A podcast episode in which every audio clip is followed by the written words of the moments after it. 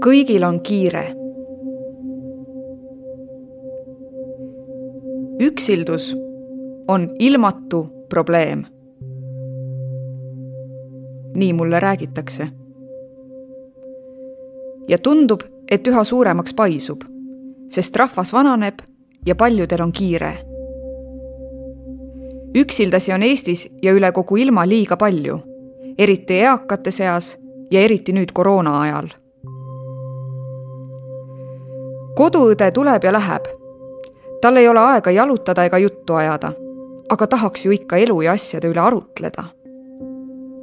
hooldaja räägib midagi moka otsast, ei oska üldse vanainimestega suheldagi. aga tahaks ju ikka rääkida väsitav on kogu aeg õnneliku inimese maski kanda. tahaks olla ise.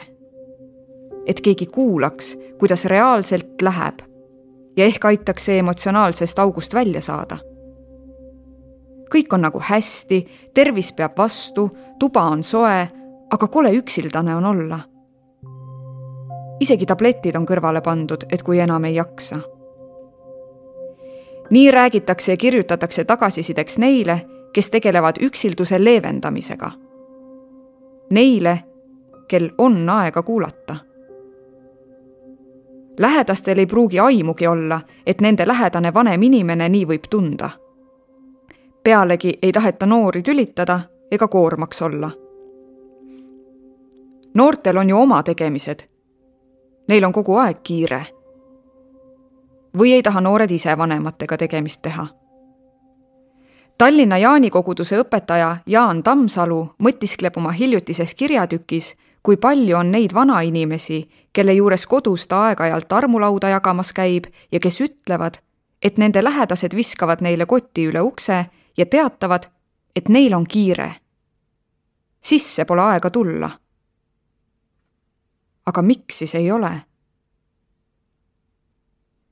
Need, kellega suhtlen, ütlevad et kiire elutempo on tinginud selle, et meil pole oma eakate jaoks aega. elu on niivõrd ära organiseeritud. Pidevalt on surve end tõestada, uut juurde õppida, tööturul aktiivne olla ning samal ajal tuleb hoolitseda enda ja oma pere eest. tihti jääb lihtsalt ajast puudu, et kõiki märgata. sageli jäetaksegi märkamata eakad ja erivajadusega inimesed psühhiaater Mari-Liis Laanetu ütleb, et näeb vanemate inimestega suheldes väga palju üksildust, sel aastal veel eriti, kui suhtlemist on vähem. on eakaid, kelle lähedastel on kiire või kelle lähedased on kaugel välismaal. on sassis suhteid, on katkiseid peresid, on leski, kes ei saa kaotusvalust üle. üksildus on igale inimesele isemoodi emotsioon seda kirjeldatakse tihti kui püsivat tunnet, et midagi on puudu. Suhted on pinnapealsed ja hinges valitseb tühjus. me kõik vajame elus erinevat tüüpi suhteid, intiimset suhtlust, sõbrasuhteid, kogukondlikke sidemeid. sellepärast võibki õnnelikus abielus inimene end samuti üksildasena tunda, kui tunneb, et tal ei ole head sõpra või ta ei ole oma elukohas teretulnud. üksildane võidakse olla ka siis, kui inimesed on ümber. Kuid üksi elavate inimestega käib üksildus rohkem kaasas. arvatakse, et kui meil on rohkem üksi elavaid inimesi, on ka rohkem üksildust. Eestis elab üksi sada üksteist tuhat nelisada kuuekümne viie aastast ja vanemat inimest. viimase kümne aastaga on üksi elavate vanemate inimeste arv tõusnud kahekümne kahe tuhande võrra ning see tendents ei näi langevat. rahvastik vananeb. pikaaegne emotsionaalne üksildus tekitab ühiskonnale juurde vaimset ja füüsilist allakäiku, kulu. arvatakse, et üksildusest on ohustatud enim eakad, kes on olnud varem sotsiaalsed, kuid jäänud mingil põhjusel ühiskonnast kõrvale mida tihedamad on inimese sotsiaalsed sidemed, seda suurem tõenäosus on tervena elatud eluks. Laanetu võtab patsiente vastu Tallinnas Confido meditsiinikeskuses ja PERHi psühhiaatria kliinikus ning kord kuus käib ühes väikeses Eestimaa alevikus inimestega kohtumas. ta puutub kokku eakatega, kes pole aastaid kodust väljas käinud. põhjuseks tihti kukkumishirmuga seotud ärevus. kord või kaks on kukutud ja nüüd on väljamineku ees kõhedus. Ja kui pole kedagi, kes viiks, ega siis mindagi. ajapikku ärevus aina kasvab. isegi kui vanainimene tõrgub, tuleb muretseda, et ta päris nelja seina vahele ei jääks. siis kiputakse mõtetega minevikku rändama, mõeldakse, mis on hästi ja mis on halvasti tehtud, kellele on haiget tehtud, kuidas neid mäletama jäädakse ja kas üldse jäädakse. Sellised mõtted võivad olemise põrguks teha ja tuua kaasa palju unetuid öid. ja kui siis tervis halveneb, kaeveldakse sageli hoopis füüsiliste sümptomite üle. siit-sealt valutab ja ega saagi täpselt aru, kust. tegelikult on hing haige füüsiline aktiivsus on vanemate inimeste puhul väga tähtis teinekord aga öeldakse, et ma ei ole suhtleja tüüpi või ma ei ole kunagi eriline sõbrannataja olnud. nii ei minda ka kodu lähedal asuvasse päevakeskusesse, kui see seal on. suhtlemine teiste inimestega on aga lausa hädavajalik, sest aitab ära hoida dementsust. üksildus on suur terviserisk ja sama ohtlik kui alkohol, ülekaal või suitsetamine seetõttu soovitab Laanetu lähedastel minna esimene kord eakaga näiteks päevakeskusesse kaasa. esimene samm on alati kõige raskem. vanemana ollakse vähem paindlikud ja käitumismustrid naljalt ei muutu. see võib teinekord aega ja vaeva nõuda, aga lähedastel ja kogukonnal on oluline anda meie eakatele sõnum, et nad on olulised ja väärtustatud, et nad tunneksid end kasulikena ja oleks tegevustesse kaasatud, räägib Laanetu. pigem kipub olema nii, et vanemate inimeste eest on kõik ära korraldatud. Nende eest käiakse poes, transport viib arsti juurde ja toob sealt tagasi, neil ei ole ootusi. Nende päevad on ühesugused. tõustakse, süüakse, kui jõudu on, siis koristatakse, vaadatakse midagi telekast, lahendatakse ristsõnu ja kui silm seletab, loetakse midagi. nii aastaid või isegi aastakümneid järjest. on muidugi erandeid ja halbu kokkulangevusi, kuid meie vanaduspõlve määrab paljuski ikkagi see, milliseid suhteid oleme elu jooksul loonud, ütleb Laanetu.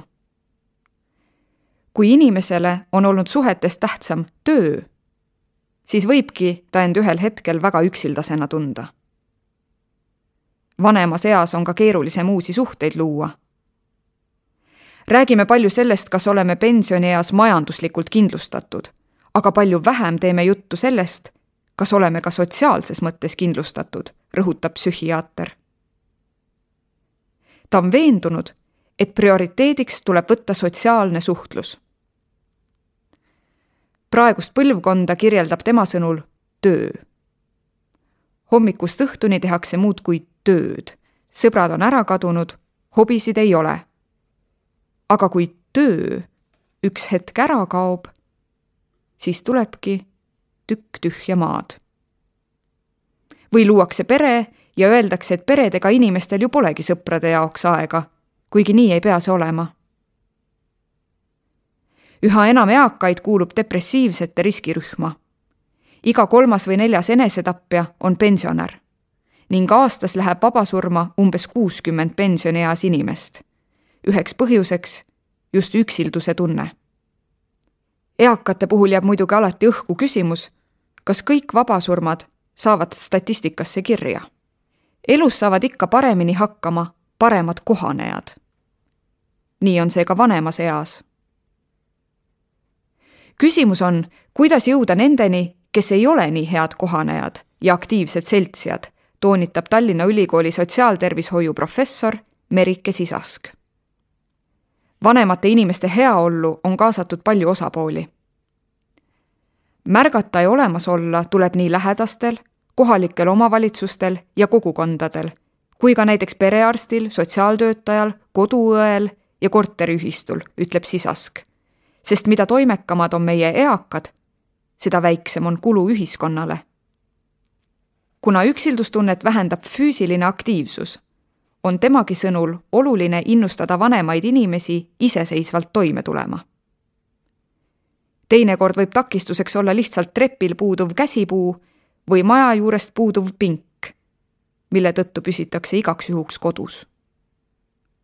üksildasemana tunnevad end lesed, kehva tervise ja puudega inimesed, samuti need, kel ei ole autot, kes ei tegele lapselastega, kel pole piisavalt raha, et vahel siin-seal käia ja kellel ei ole inimest, kellega oma muresid ja rõõme jagada. veel üheks põhjuseks on kiire tehnoloogiline areng osaliselt sotsiaalmeediasse kolinud elu, millest paljud eakad on kõrvale jäänud või millega ei suudeta harjuda. tehnoloogia abil saab suhelda ka oma kaugel elava lähedasega ja ühendust hoida koroonaepideemia ajal, kuid pikka aega vaid sel moel suheldes kaob võimalus olla teise inimesega kontaktis selleks kõiki oma meeli kasutades, lugeda kehakeelt, saada osa puudutustest, lisab Sisask kui ma eakatega suhtlen, on kohtumised üldiselt positiivsed ja jutukad. keegi ei kipu kurtma tervise või rahanappuse üle. Ikka läheb jutt suhetele ja mälestustele. kui jutt aga üksildusele läheb, muututakse mõtlikuks. kes asub seda kirjeldama, kes vaikib. keegi ei ütle otse et on üksildane või et see tunne, mida ta kirjeldab, kuulub talle endale. läbi lillede tuleb see vahel jutust välja. mitte aga kohe. Inimene võib avaneda alles teise, kolmanda või neljanda vestluse käigus. esimene reaktsioon on, et kõik on hästi ja mis ikka kurta. levinud on stereotüüpne hoiak, et üksildane on keegi hädavares või joodik. elus läbi kukkunud, eraklik, hale. see paneb mõtlema, kui kergekäeliselt me lepime oma eakate vastusega, et kõik on hästi. kui palju ja kas me üldse võtame piisavalt aega, et teine pool avaneda jõuaks? Tallinna elanik, mees seitsekümmend viis. kuidas teie kirjeldaksite üksildust? inimene on sotsiaalne olend ja tal on vaja kuhugi kuuluda. üksildus on aga see tunne, et sa ei ole tegija.